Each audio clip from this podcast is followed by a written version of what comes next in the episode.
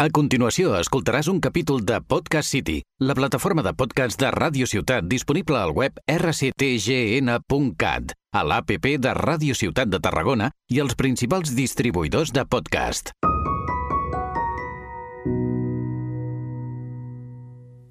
Destruir la norma, un podcast de cerdas y diamantes. un espacio para compartir nuestros aprendizajes y cuestionar el sistema desde una mirada interseccional. Y justo hoy explicaremos qué es la interseccionalidad.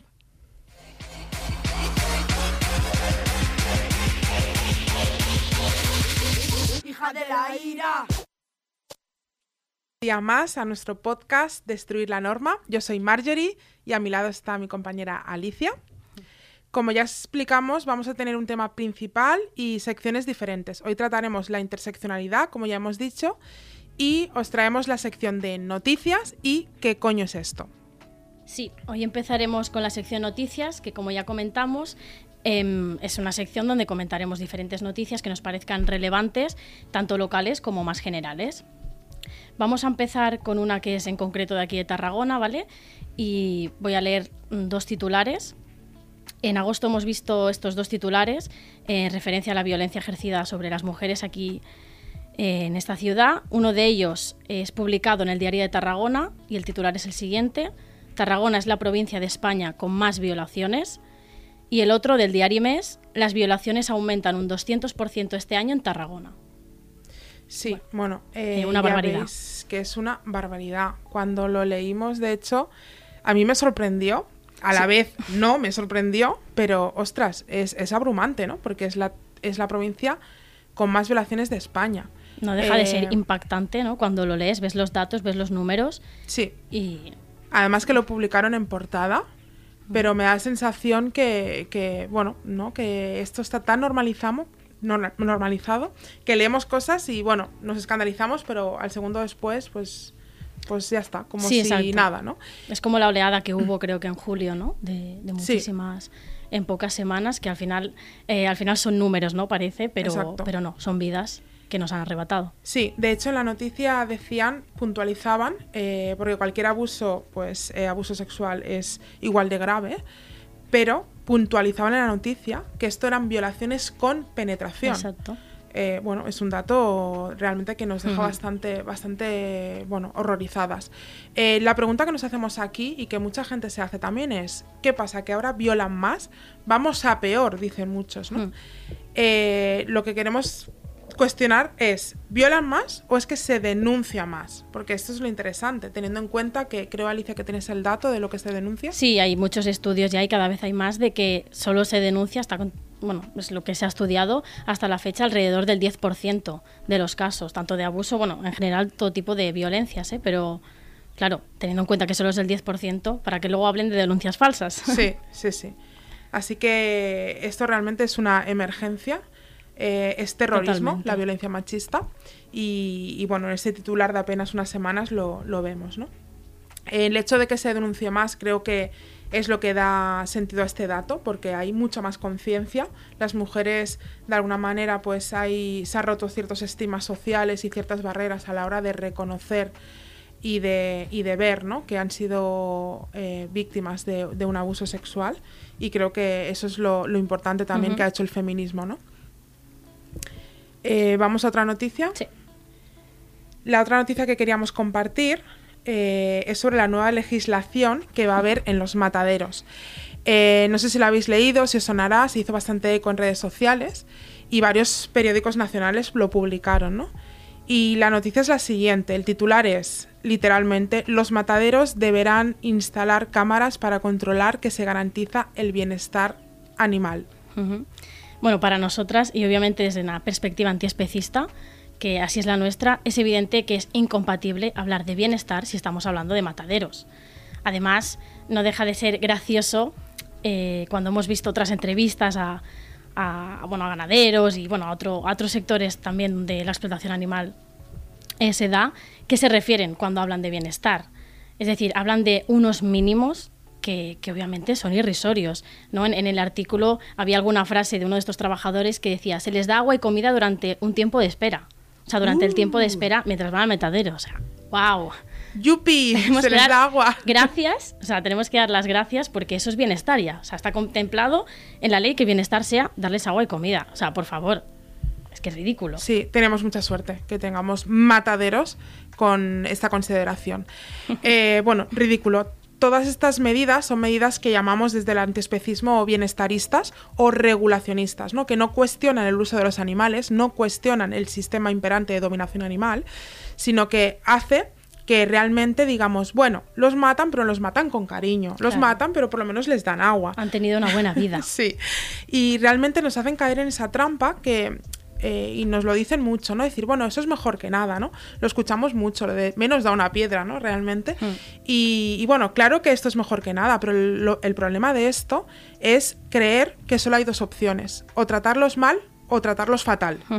Eh, perdona, hay más opciones, ¿no? Eh, y la opción más justa, que es la que desde el antiespecismo pues señalamos, ¿no? Eh, y que nadie nos cuenta, es que podemos dejar de usar y de explotar animales, ¿no? Y desde el antiespecismo decimos y lo que luchamos por la abolición de este sistema especista como la única solución. Exacto. Hay una frase, ¿no? También que, que va un poco de este tema de no hay manera ética de matar a un animal que no quería morir. Y con esto resume bastante. Y sobre todo no perder de vista también que con este tipo de leyes el foco no está puesto en los animales, ¿no? Que parece que o se hayan leyes, o sea, se hacen leyes a favor de los animales porque estos preocupan. No, a nadie le preocupan los animales, ni siquiera su bienestar. Em, todo esto lo hacen para cubrirse las espaldas los propios trabajadores, las propias empresas, para mejorar las garantías de seguridad alimentaria y otras cuestiones que nada tienen que ver con la vida de los animales. Exacto. Que estamos enojadas. No voy a andar con pinzas para quien no entienda que esto es una emergencia y estamos preparadas. No soy pacifista, no me exijan cosas que no ofrezco. No pedí un pedestal ni lo merezco. Soy como las otras hartas de andar con miedo agresiva porque es la forma en que me defiendo. Bueno, acabamos de escuchar a Rebecca Lane con su canción de Ni Una Menos. Es una rapera feminista y anarquista de Guatemala y os invitamos a seguirla. A nosotras nos encanta porque bueno, todas sus letras tienen un contenido político súper potente y bueno, nos encanta, es brutal. Sí, sí, sí, nos declaramos fan de Lane. fans. Pues con ella empezamos el tema del día, que no es un tema cualquiera, es un temazo. Yes. es Se un viene temazo. La chapita. Se viene la chapa, ya, ya lo sabéis o nos iréis conociendo. Sí.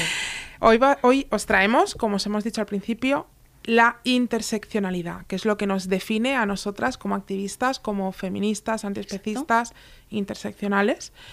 Vamos a profundizar en lo que es este concepto, esta palabra, explicaremos por qué es tan importante tenerla en cuenta en nuestras prácticas políticas y personales, porque recordar, recordar que lo personal es político.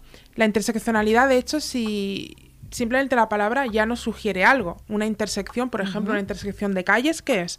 Calles, ¿no? Que de alguna manera se cruzan, ¿no? Pues quedaros con ese pensamiento y a partir de ahí iremos desgranando qué es esto. Exacto. Em, así como definición, podríamos decir que la interseccionalidad es una herramienta que nos ayuda a analizar y comprender cómo se ha configurado el mundo mediante los ejes de opresión y privilegio. Em, cuando hablamos de estos ejes de opresión y privilegio, nos referimos, nos referimos a la posición concreta de un sujeto respecto a todas esas categorías sociales que ya comentamos eh, en el primer episodio de la norma, que son categorías como el género, el género, la raza, la clase, las capacidades, la edad, el color de piel, la especie. Y son categorías que nos atraviesan a todas, pero no del mismo modo. Cada una de nosotras ocupa un- una de las partes del binomio opresor-oprimido según la categoría de la que estemos hablando. Sí, eh, entrando un poco más en la teoría, el término de interseccionalidad se le atribuye a Kimberly Crenshaw en 1989 y lo definía de la siguiente manera. Es el fenómeno por el cual cada individuo sufre opresión u ostenta privilegio en base a su pertenencia a múltiples categorías sociales. Es un poco lo que ya ha explicado. Alicia, pero con la definición concreta. ¿no? Este concepto ya había surgido mucho antes, en los años 70 ya se hablaba de algo parecido, que es la simultaneidad de opresiones. Repito, simultaneidad de opresiones. Recordad, recordad la palabra de intersección, ¿no? Em, esto salió en espacios eh, antirracistas y, mm, en una asociación que se, que se llamaba Combahee River Collective, una organización feminista negra y lésbica, y hicieron un manifiesto en el cual hablaban de esto, ¿no? de cómo las opresiones que sufrían como mujeres negras y lesbianas se eh, superponían unas con otras. ¿no? Eh, es muy, muy importante conocer y reconocer los orígenes de esta palabra. Es algo que se, que se utiliza mucho, la interseccionalidad, eh, en el presente para, para todas las luchas, pero eh, hay que señalar que surge de espacios antirracistas. creemos que es fundamental señalar esto. Y realmente lo, se creó para explicar la experiencia de discriminación que sufrían estas mujeres, las mujeres negras, y surgió como parte de una crítica al feminismo radical, al cual no estaba teniendo en cuenta sus necesidades concretas. Sí, este es un buen ejemplo, ¿no? Una vez más, como ya comentamos también en el capítulo, en el primero, eh, que ha habido muchas luchas que se han pensado sin tener en cuenta toda la diversidad que puede existir eh, en una categoría, ¿no? Y se han, acabando, se han acabado haciendo como universales posiciones que en realidad estaban situadas desde el privilegio. Em, esto que en su día generó que las mujeres negras reivindicaran sus necesidades concretas dentro del feminismo sigue pasando hoy en día. Eh, también en el feminismo hegemónico, cuando se siguen reproduciendo ciertas formas de opresión como el clasismo, el transodio, el capacitismo y aún el racismo, por supuesto. Sí, de hecho, la interseccionalidad se basa en la idea de que las opresiones no actúan de manera independiente, sino que actúan relacionándose entre sí, creando un sistema de opresión concreto. Y, bueno, es importante remarcar un poquito lo que decíamos antes de ese binomio, ¿no? Que todas las personas estamos atravesadas por todos los ejes. La diferencia es que estamos situados a un lado o a otro de ese eje, pero todos los ejes están conectados entre sí y configuran un sistema único de opresión o de privilegio. Em, ser atravesadas por más de una opresión o sistema de discriminación da lugar a diferentes representaciones de jerarquía social, ¿Esto qué quiere decir? Os voy a poner un ejemplo. Yo de profesión soy química y me gusta poner este ejemplo. Ahora diréis, ¿qué tiene que ver? A ver si, os puedo transmitir la idea a través de la ciencia. En química, yo me acuerdo que el primer día de clase eh, el profesor nos dijo, uno de los profesores de, una asignatura, nos dijo, em, en la química, o sea, todo lo que habéis aprendido hasta ahora es mentira. Eh, porque hasta ahora el 2 más 2 son 4. Y es una cosa que se dice mucho, ¿no? Es decir, 2 más 2 son 4 y eso no hay tutía. Pues bueno, resulta que en química no es así. 2 más 2 no son 4. Y esto me acuerdo perfectamente que fue el primer día de clase. ¿Por qué? Porque en la química, cuando hacemos, em, bueno, pues imaginaros, ¿no? En un laboratorio mezclamos A más B y A más B, el resultado no es AB, el mm. resultado es C. Es algo totalmente diferente a más B, pero que está creado a través, o sea, a partir de A más B. ¿Por qué? Porque hay una reacción química que cambia por completo la configuración de esa sustancia. Cambia por completo y es posible que no se parezca en nada a sus padres. No sé si me, si me explico, ¿no? Entonces, esa es la magia de la química, ¿no? Que 2 más 2 no son 4. Eh, entonces, aquí es un poco lo mismo. Cuando hablamos de que ser atravesados por, más de un sistema de discriminación o más de una opresión, es decir, más de un eje de los que hablábamos, configura un sistema de jerarquía concreto y de discriminación concreto. Os voy a poner un ejemplo que es eh, un término que en español aún no existe, que lo podríamos traducir como misoginia negra, pero que en inglés, que creo que viene del francés, no tengo mucha idea, mm. misogynois, que antes nos hemos echado unas risas porque tengo que reconocer que lo tengo apuntado literalmente cómo, se pronuncia, porque soy bastante mala. Todas soy de ciencias. Esto, todas hacemos esto. ¿Y quién ya, miente? ya habéis visto que soy de ciencias y por lo tanto las letras se me da bastante mal, los idiomas, así que pongo exactamente cómo se pronuncia y no cómo se escribe. Así que aquí tengo puesto misogynois. O sea, imaginaros, la misogina, misoginia negra, que podríamos traducir en español, es una discriminación concreta. Es decir, la misoginia negra es la discriminación que sufrimos las mujeres negras, no por ser mujeres y no por ser negras, sino por ser mujeres negras. ¿Entendéis? Es decir, no es por un lado sexismo o por un lado machismo y por otro lado racismo, sino que las dos cosas operan a la vez y operan de una determinada manera. Por eso es tan importante eh, esto de la interseccionalidad. Sí, es lo que más cuesta entender muchas veces cuando se habla de interseccionalidad, ¿no? que se entiende como una suma, pero no es eso. Es algo concreto, algo nuevo, como decías con la química. Eh, exacto. Sí, de hecho, a esto me gustaría añadir porque hay cierta crítica a la interseccionalidad desde otros movimientos, eh, ya que se apuesta eh, por la no jerarquización de las luchas. Es decir, desde un análisis interseccional em, no hay ninguna opresión que sea fundamental o más relevante que las otras. Y siguiendo con los ejemplos, em, que así lo podemos ver mejor, mm, para poder ver ¿no? cómo funcionan todos estos ejes, todos estos ejes y cómo a su vez están relacionados también con los demás ejes. Podemos poner el ejemplo de, las trabajadoras de Huelva. ¿no?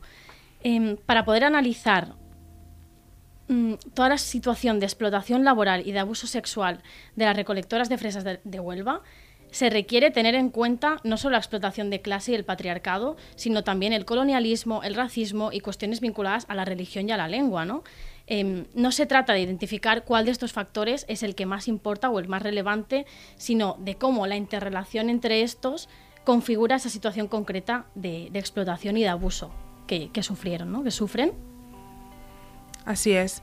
Em, no debemos confundir la interseccionalidad como una lucha global, ¿no?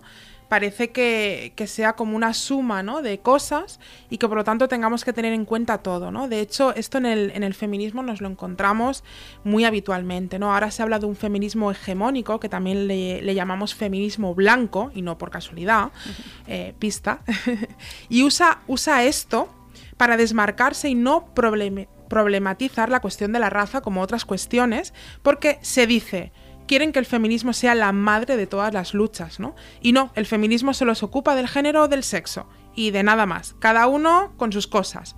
Error. error, error. Eh, esta visión es muy reduccionista, ¿no? Eh, como ha explicado Alicia con el ejemplo de las temporeras de Huelva. No podemos entender esa situación de discriminación y de opresión y de violencia sin tener en cuenta todos esos ejes de opresión a la vez, actuando a la vez. Entonces, esta visión tan reduccionista del feminismo hegemónico, pues em, hace que se construya un feminismo privilegiado, incapaz de ver más allá, ¿no? Eh, no, atender a cómo deconectados están eh, los diferentes ejes de opresión limita nuestra capacidad para luchar contra un único eje y sobre todo em, refuerza las raíces de la violencia estructural. Estamos hablando, aquí siempre estamos hablando de que esto es una estructura, es un sistema. El podcast, recordamos que se llama Destruir la norma, la norma como un sistema en el que estamos todas ahí, como si fuera un tablero de ajedrez, y, el tablero es el que es, ¿vale? Luego hay cosas que van cambiando, pero la norma, el sistema, la estructura es lo que es y no podemos acabar con una cosa sola Mm, de manera concreta, de manera aislada, porque estamos conectados, conectadas con todo lo que venimos explicando. Em, la interseccionalidad es la herramienta que nos arroja luz a todo esto, que nos arroja luz a estas conexiones y nos da la capacidad de ver más allá de una opresión concreta. Sí, hay una frase de hecho de Audre Lorde, perdón si no pronuncio bien, em, que habla un poco de esto y de cómo lo que realmente fragmenta las luchas es negar estas diferencias que hay en las categorías que comentábamos, ¿no? La frase dice así: Ciertamente hay diferencias de raza, edad y sexo entre nosotras, pero no son esas diferencias entre nosotras las que nos separa. Más bien, lo que nos separa es nuestra negativa a reconocer estas diferencias. Exacto. Importantísimo. Se dice mucho y nos lo dicen como algo, como algo negativo, ¿no? Eh, la fragmentación de luchas nos hace más débiles, ¿no? Nos hace más débiles. Mm, se dice en general de los grupos de activismo social, ¿no? Que, que bueno, que cada uno, bueno, que nos peleamos entre nosotros, etcétera, ¿no? Pero eso realmente es una gran, una gran capacidad, es una gran, un gran privilegio que tenemos, ¿no? Poder reconocer esas diferencias y trabajar conjuntamente desde esa conexión, esa intersección, ¿no? Claro, porque cuando se apela a la unidad, muchas veces, muchas veces hablamos de esa universalidad que está sesgada. Y si hay un sesgo principal, pues Exacto. Se ha tomado como, como, singular, ¿no? Como piedra angular prácticamente lo universal, que al final es lo que ya dijimos en el primer capítulo, hombre, blanco, hetero, cis, etc, José Luis, ¿no? sí, nuestro amigo José Luis. nuestro amigo José Luis, que hablaremos de él más adelante, pero que encarna ese, ese sistema. José Luis, no, otro José Luis. otro José Luis. José Luis no existe, o mejor dicho, José Luis son muchos. Exacto, hay muchos José Luises. ya, ya iremos, ya lo iréis conociendo, pero bueno, más o menos encarna esa idea, ¿no? De, del máximo privilegio. Y, y, bueno, mm, apelar a esa universalidad, a lo estándar, pues nos estamos dejando al margen muchas cosas, ¿no? ¿Os acordáis del juego de niños, del puzzle que os explicamos, pues bueno, eh, por ahí andamos. Bueno, continuamos em, porque hasta ahora hemos puesto ejemplos, creemos y esperamos que hayáis entendido, pero seguramente tendréis que darles más vueltas. Em, la interseccionalidad es un marco teórico, es teoría. Llevarla a la práctica es muy complicado y es realmente em, el reto que nos encontramos los activistas día a día. Y mm, cuando practicamos la interseccionalidad o cuando intentamos practicarla, pues confrontamos con una realidad de vernos en una posición de privilegio con respecto a un grupo y por lo tanto como opresoras a la vez que seguimos oprimidas por otras causas. ¿Esto qué significa? Por ejemplo, en el feminismo. El feminismo luchamos contra el machismo, contra el sexismo, con esa presión de género, etc. Y de repente viene una compañera, por ejemplo yo, que soy em, afrodescendiente, racializada, y decimos, Ep, no habéis tenido en cuenta las necesidades de las mujeres negras, de las mujeres racializadas. Estamos aquí y también nos oprimen por lo mismo que vosotras y por alguna cosa más. Em, entonces, en ese momento, realmente nos tenemos que mirar al espejo y reconocernos desde nuestra posición de oprimidas como mujeres, también como opresoras en según qué cosas, como por ejemplo, em, si somos blancas em, etcétera, ¿no? Es decir, que ese momento en el cual estamos habitando una misma posición de privilegio y de opresión. Es un momento clave para entender todo esto. Es un momento en el cual em, experimentamos contradicciones, experimentamos incomodidad. ¿Os acordáis de esta palabra? Que, Lo que más. Eh, que la, os la comentamos, la tiramos un poco ahí al final del programa pasado, ¿no? De la incomodidad. Para nosotros la incomodidad es un espacio revolucionario en el cual a partir de ahí podemos accionar cambios. Exacto. Mm, de hecho, bueno, por todo lo que decía Marjorie, eh, por eso es tan importante revisar nuestros privilegios y ver desde qué ejes, ¿no? los que comentábamos antes, debemos reconocerlos como opresoras y por lo tanto deconstruirnos, escuchar, desaprender, reparar y ceder espacios. Y también ver desde qué, de qué otros ejes en los que ocupamos la posición de oprimidas, dos, pues debemos reivindicarnos, eh, reconocernos, construir nuestra identidad y, luchar, ¿no? Y luchar y hacer activismo.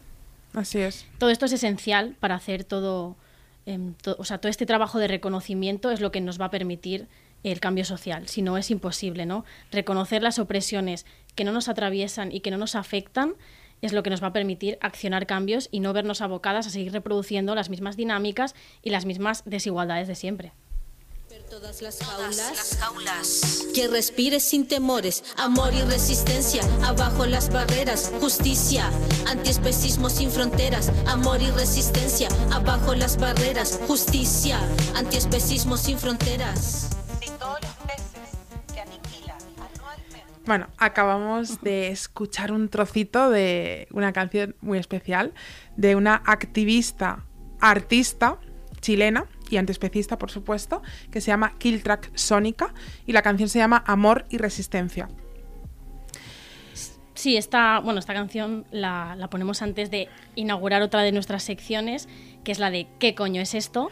donde dijimos que sería un poco como un glosario, ¿no? Intentaremos eh, definir conceptos para que así pues, sean más accesibles también eh, para quien no entienda, que somos conscientes que muchas veces eh, decimos un discurso un poco que a lo mejor es complicado sí. y entonces es, es necesario también explicarlo. Y hoy extraemos, perdón, como no, pues el antiespecismo, ¿no? Este término que a nosotras tanto nos define como feministas antiespecistas, que ha salido ya más de una vez, yo creo que en los dos programas, em, y, antes cuando comentábamos la noticia de, los mataderos, ¿no? que hemos dicho que somos abolicionistas del sistema especista. El antiespecismo es el movimiento ético, político, hay que remarcar que es político, y social que rechaza y lucha eh, contra la opresión de especie. Así es.